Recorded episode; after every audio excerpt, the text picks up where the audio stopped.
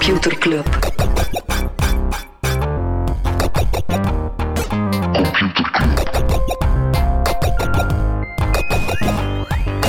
Computer Computer Club. Hey Smolly, Hey Freddy, welkom. Welkom terug. welkom. Welkom bij Computer Club, een wekelijkse podcast over technologie. Iedere aflevering selecteren Freddy en ik een interessant artikel en presenteren een feitje. Ja, we hebben ook een nieuwsbrief. En vorige week ging die zo wat over het einde van third-party tracking. En wat er dan met al die, ja, met heel, al die advertentiemodellen ging komen. En we hadden het dan over ja, het feit dat Google ook in Chrome cookies de das ging opdoen. Eh, maar ze hebben, eh, denk ik, de dag van de nieuwsbrief eh, het nieuws gebracht dat ze het pas in 2023 gaan doen. Ai, ai, ai. Ze hebben wat meer tijd nodig om, met name met Vlog, hun nieuw systeem, om dat wat door te spreken. Of ze willen nog snel wat En- cashen voordat ze het kunnen eh, weghalen. Nee, er is gewoon heel wat protest op het feit dat dat Vlog-model ergens wel beter is, maar tegelijkertijd Google ook Mhm. nog altijd even machtig maakt. Dus eh, ja, eigenlijk het volledige adtech-landschap, maar ook allerhande overheden, die zijn nu wel echt aan het uh, pilen op Google. Alright. En ook eentje op eh, terug te komen. eh, 148, de podcast toen, ging over het right to repair. Ja. Wel, Microsoft-aandeelhouders die hebben nu geëist dat dat reparatierecht er komt. Eh, en wel eh, door Microsoft te pakken op hun ja, grote klimaatdoelstelling en te zeggen van ja, daarmee genereer je een gigantische berg onnodig elektronisch afval. Dus de shareholders hebben zich daar activistisch verenigd en een, eh, geëist dat er een verandering komt. Mhm. Voilà. Super blij dat die ook naar Computerclub luisteren. Kijk, voilà. Alright. Freddy, ik moet je ook nog feliciteren met het feit dat je hier mag zitten deze week. Ik ben zeer benieuwd waar dat dit heen gaat. Ja, ik had eh, op Twitter eh, vorige week zo een vriendschappelijk, kameradelijk gesprek met mijn vriend Romelu Lukaku. En ik vroeg hem, Romelu, wat is jouw favoriete ploeg om mee te spelen op FIFA? En Romelu antwoordde, en ik was heel blij dat Romelu geantwoord had. En toen was hij een beetje gepikeerd. Zei hij, waarom Maar ook zo blij dat hij antwoordde. Zijn antwoord was letterlijk Nee, verschillende ploegen. Kom. Dat is echt zo, dit is letterlijk zo het Olympisch minimum qua antwoord. jaloers. Tuurlijk ben ik jaloers. Als jij daarom- met Romelu Lukaku was het te, te viben. Freddy, wat is jouw favoriete ploeg op FIFA? En dan super stoer doen daarover op sociale media. Is dat zo echt omdat je op sociale media zit, dat je dan extra stoer doet? Zo extra gemeen doet tegen mij. Freddy, wat is jouw favoriete FIFA En dan als je thuis zit. eh, mijn favoriete FIFA-ploeg. Ja, ik ben daar zo'n clichébeer in. Ben, dus naast, ik ben ook al acht jaar geleden dat ik de laatste match speelde. Ik speelde met Barcelona. Ja. Oké. Ik ben een clichébeer. Ik heb daarnet eh, Zwitserland-Frankrijk nagespeeld. Het was wel 3-1 voor Frankrijk, maar... eh, Oei, ja, even naar was UEFA-ballen. Frankrijk. eh Ja. Er zit een fout eh, in het systeem. ja. Zeg Smolly, hebben we non-nieuws deze week?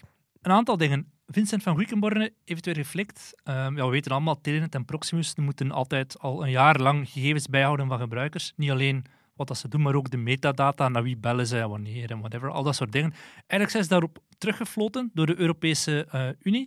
Die zei van, ja, hey mannetjes, dat is wel een beetje schending van privacy. En wat doen ze? Ze breiden die wet nog meer uit. Er is een eh, voorstel om onder andere ook WhatsApp en co. te gaan verplichten om gegevens bij te houden van gebruikers.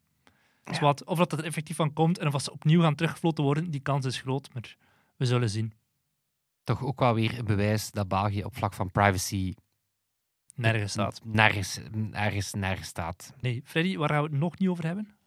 Ehm, goh, in de Billionaire Space Race tussen Jeff Bezos en Richard Branson van Virgin eh, ja, is eh, Richard Ritchie eh, toch wel een stapje verder dan, dan Jeffy. Na, met name Virgin Galactic, die hebben groen licht gekregen om, van de VS om betalende passagiers naar de ruimte te sturen. Allee, het is te zeggen dat het begin van de ruimte, maar wel de ruimte.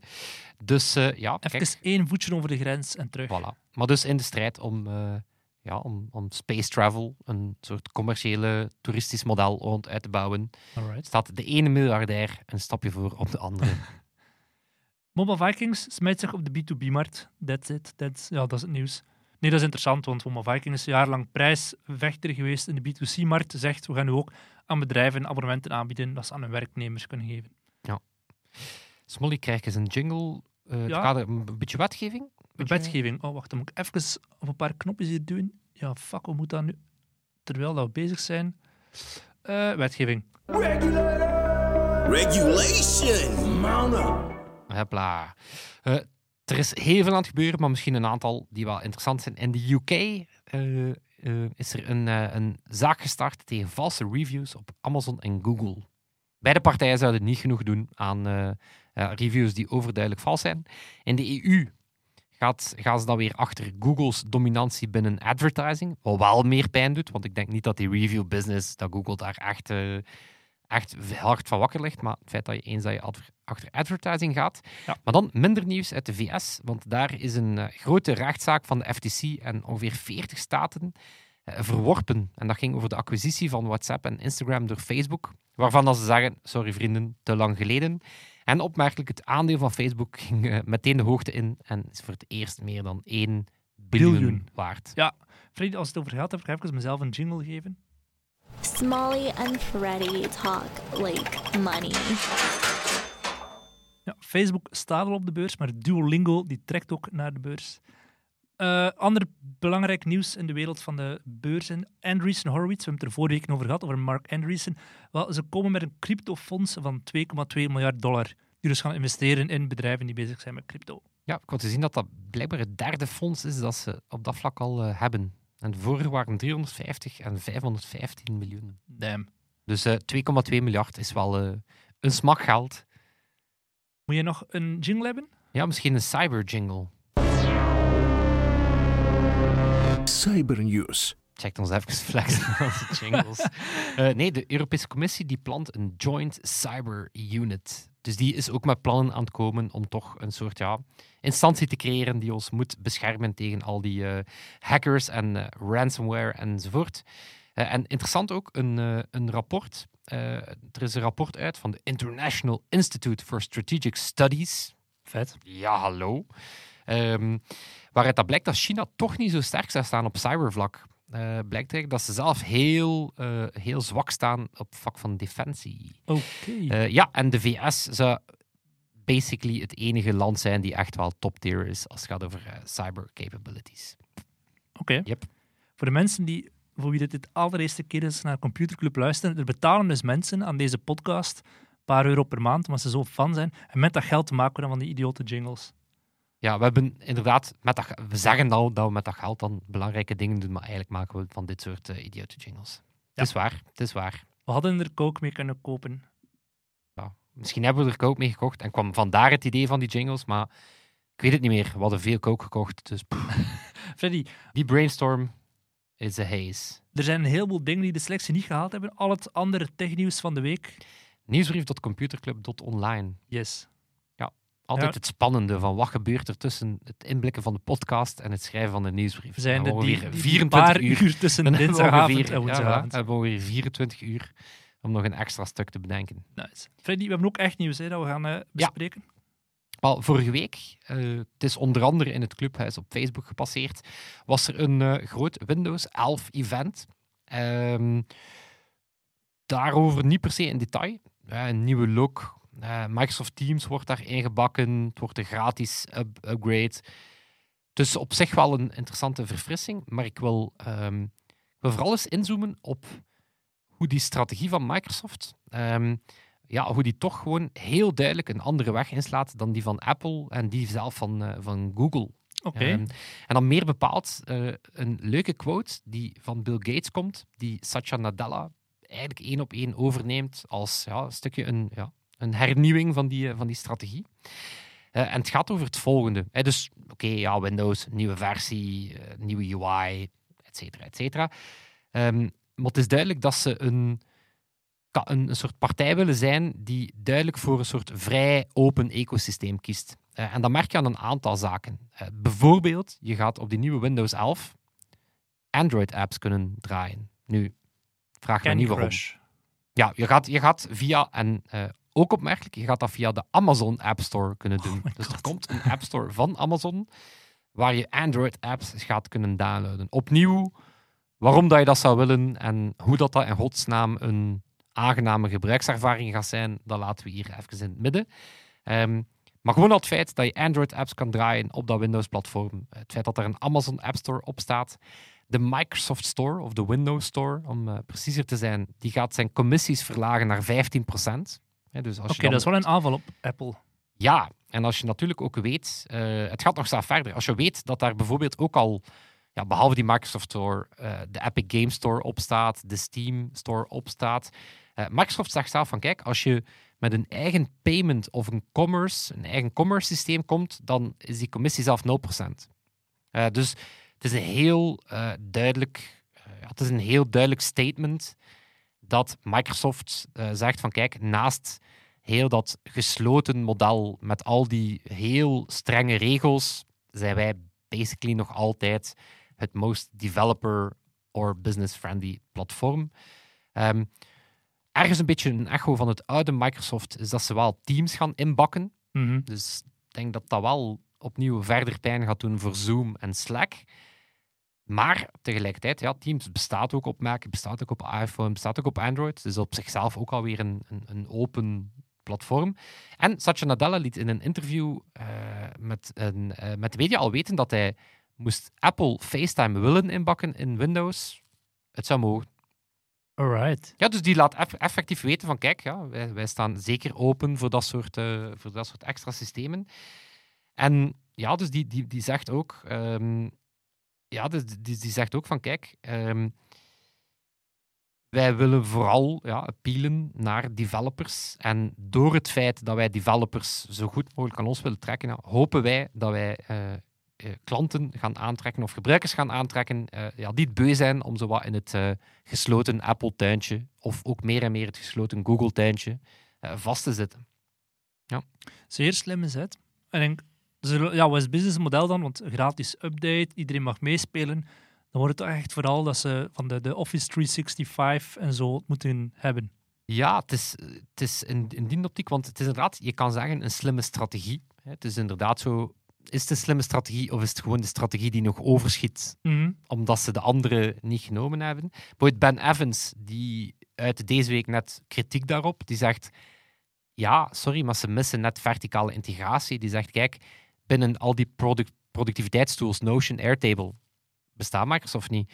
Binnen al die geïntegreerde workflow software, Figma, Webflow, is Microsoft ook afwezig. Eh, eh, binnen commerce, Squarespace, Shopify, is Microsoft ook afwezig. Mhm. Ehm, dus ja, de hoop bij Microsoft is dat ze zeggen: ja, oké, we hoeven die eindervaring niet per se te bouwen of te exploiteren.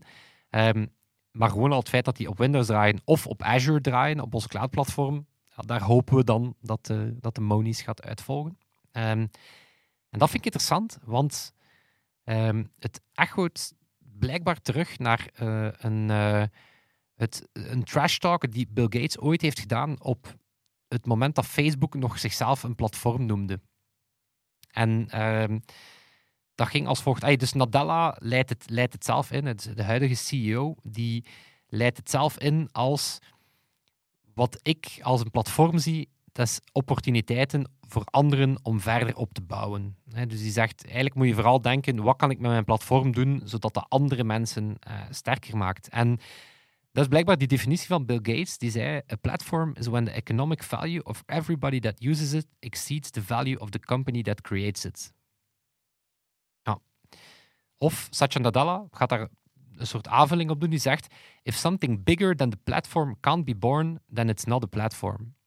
En, en in die optiek is het wel interessant, want dan, heb, dan heeft hij ergens wel een punt. Hij zegt van het web is Mhm. basically ontstaan dankzij het feit dat er heel veel Windows-computers waren met internet. Dus eigenlijk heel de internetbusiness kon groeien op, ehm, op, op, het, eh, op het Microsoft-model. Of bijvoorbeeld binnen gaming zegt hij, ja oké, we hebben onze eigen store, maar we hebben ook de Xbox Pass, we hebben ook Steam, we hebben ook Epic.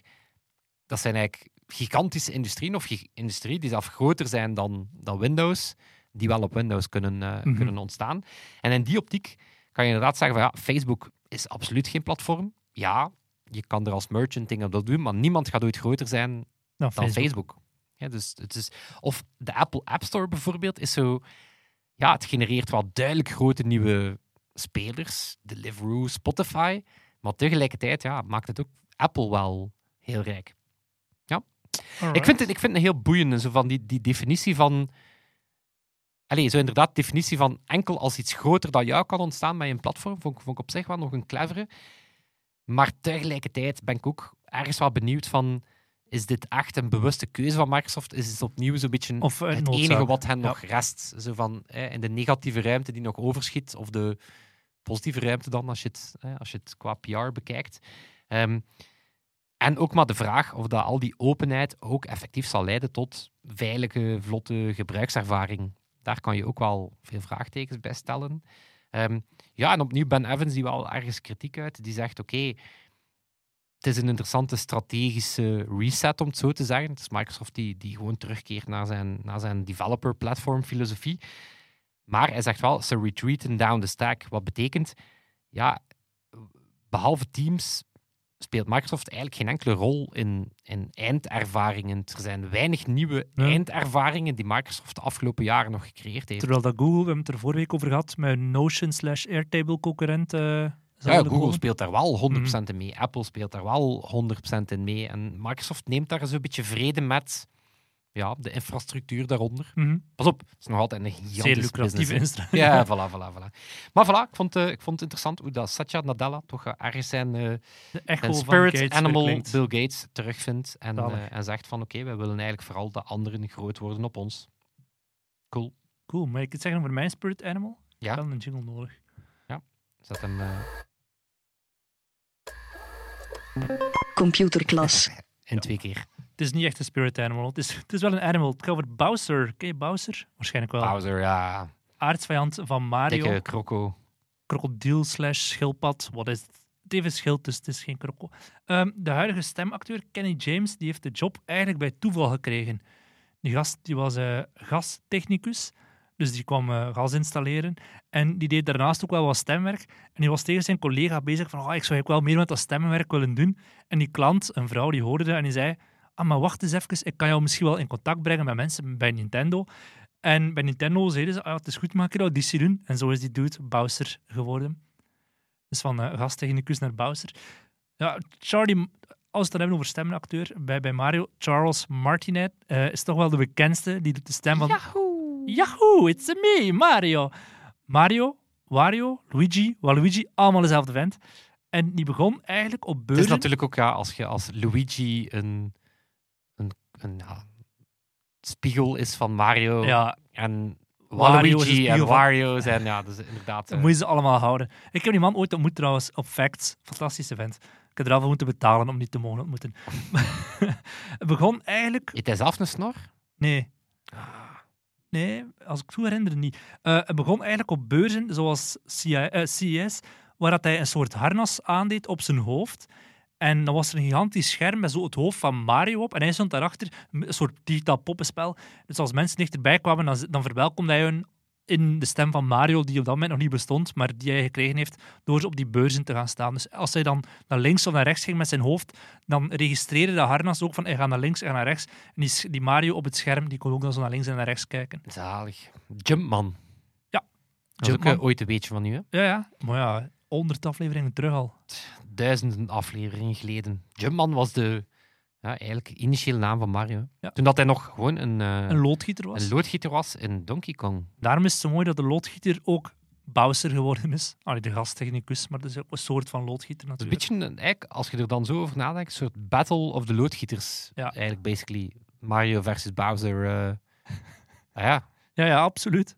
wie is, eigenlijk de de grootste nemesis, wie is eigenlijk de grootste nemesis van...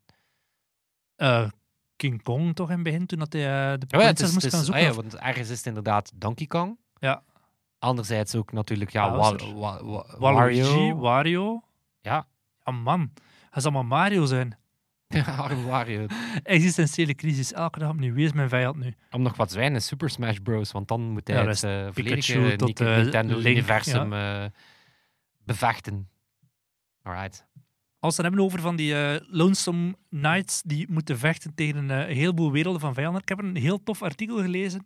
Die gaat over zo'n cowboy die uh, Don Quixote gewijs een jaar lang, of toch een jaar lang, heeft gevochten. Een paar weken geleden hadden we het hier over de journalistiek en hoe dat die soms zelf op haar eigen De journalistiek. dus op haar eigen stappen moet terugkomen. Ik weet niet of je het nog herinnerde, maar ik heb toen gezegd, er is nu zelfs een fact-check die ze moeten zeggen van, eigenlijk hebben we dat toen gefactcheckt, maar misschien klopt het wel niet. Ik heb dat toen gezegd, dat is heel snel de review gepasseerd. weet wat je daar allemaal gezegd hebt. Dat is dat. En dat ging over hoe is COVID-19 ontstaan. En er is een onderzoekster, Alina Chen, een eh, Canadese moleculair bioloog, Canadees slash Chinees eigenlijk, en die werkt in een onderzoekscentrum verborgen, eh, verbonden aan Harvard en MIT. En Het zou ook wel cool zijn moest het verborgen zijn. In Verborgen kan ook. Ja, dat zal Laat ons inderdaad zeggen dat er ergens onder een trap... Ja, zit zij onderzoek te doen naar genomen en zo. En zij zag in der tijd, toch een dik jaar geleden, artikelen voorbij komen over COVID-19 en hoe dat, dat ontstaan was. En u weet, ken het allemaal het verhaal, de, de, de markt in Wuhan met de vleermuis die iemand gegeten heeft. En die Dat iedereen, gaat nooit bewijzen dat ik dat was. Eh, Nee, het is, dat. denk die wetenschappelijke artikelen die van alleszins, overschieten, het is niet door mensen ontwikkeld. Het is niet met opzet door mensen ontwikkeld en vrijgelaten. En eh, alle conspiracy-theorieën werden daardoor meteen een kopje gedrukt. Van, het is niet man-made, het is niet met opzet gemaakt. Dat dan de lab, de, dat is een beetje de, de lab theory. Dat ze dan zeggen. Wel- dat inderdaad zo... Chen zei, oké, het is misschien niet met opzet gemaakt en, en, en, en verspreid, maar er is volgens mij een piste dat het toch wel uit het laboratorium ontsnapt of op de een manier uit het laboratorium alsnog komt. Dat het niet zo is van, eh, het is een vleermuis, iemand neemt er een hap op en die persoon creëert het. Nee, het, volgens haar moet er een theorie kunnen zijn, of mogelijk zijn, dat dat uit het laboratorium ontsnapt is. Zijn er niet zo ergens ook de afgelopen maanden terug wat bewijs? hè, Zo Wel, mensen die Ja, het opgenomen artikel, zijn. Het er- artikel komt, komt allee, dat komt allemaal door haar werk. Eh, door haar Twitter-gevecht of haar Twitter-strijd om dat openbaar te maken. Want zij zegt, ja, waarom zou dat steekhouden dat uit het laboratorium komt? Een van de belangrijkste onderzoekscentra voor soortgelijke virussen is het Wuhan Institute of Virology.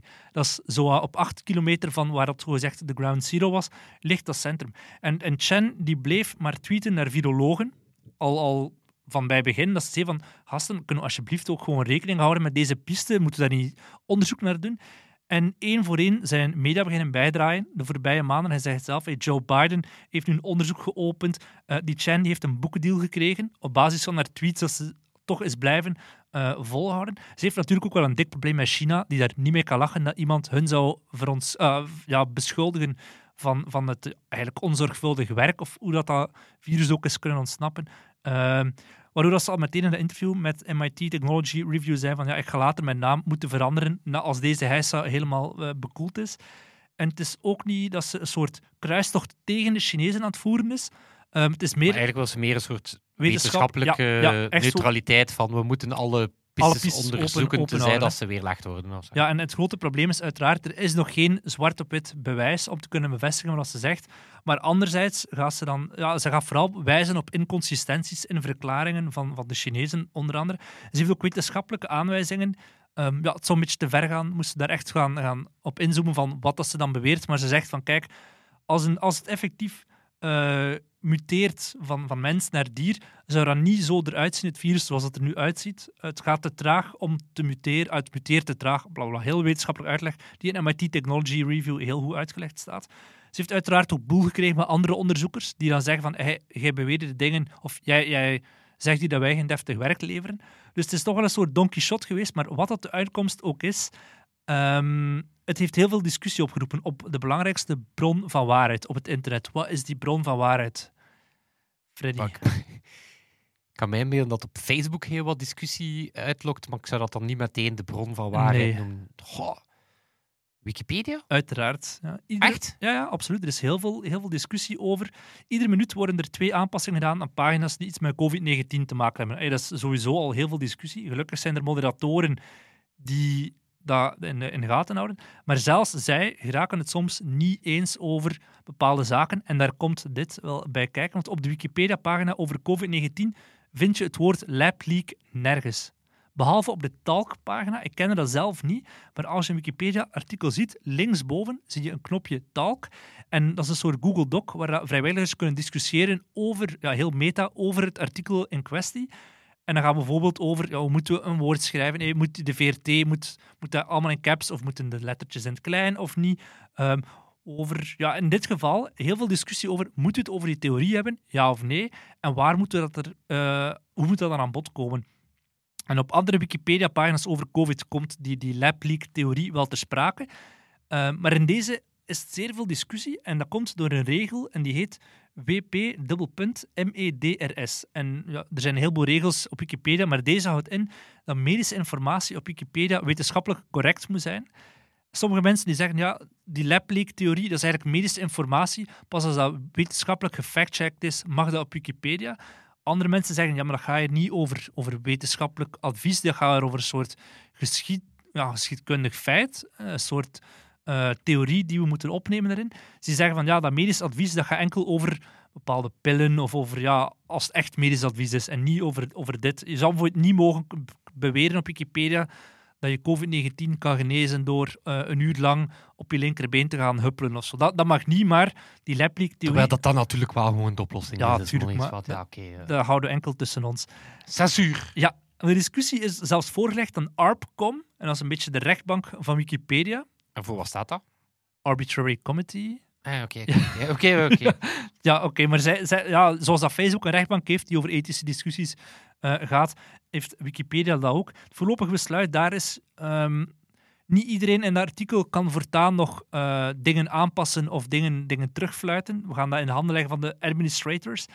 Het is al zo ver, dus nog geen echt besluit, maar Jimmy Wales komt zich ermee moeien. Jimmy Wales, de oprichter van Wikipedia. En die zegt van, kijk, dus sowieso moeten we conspiracy-theorieën negeren.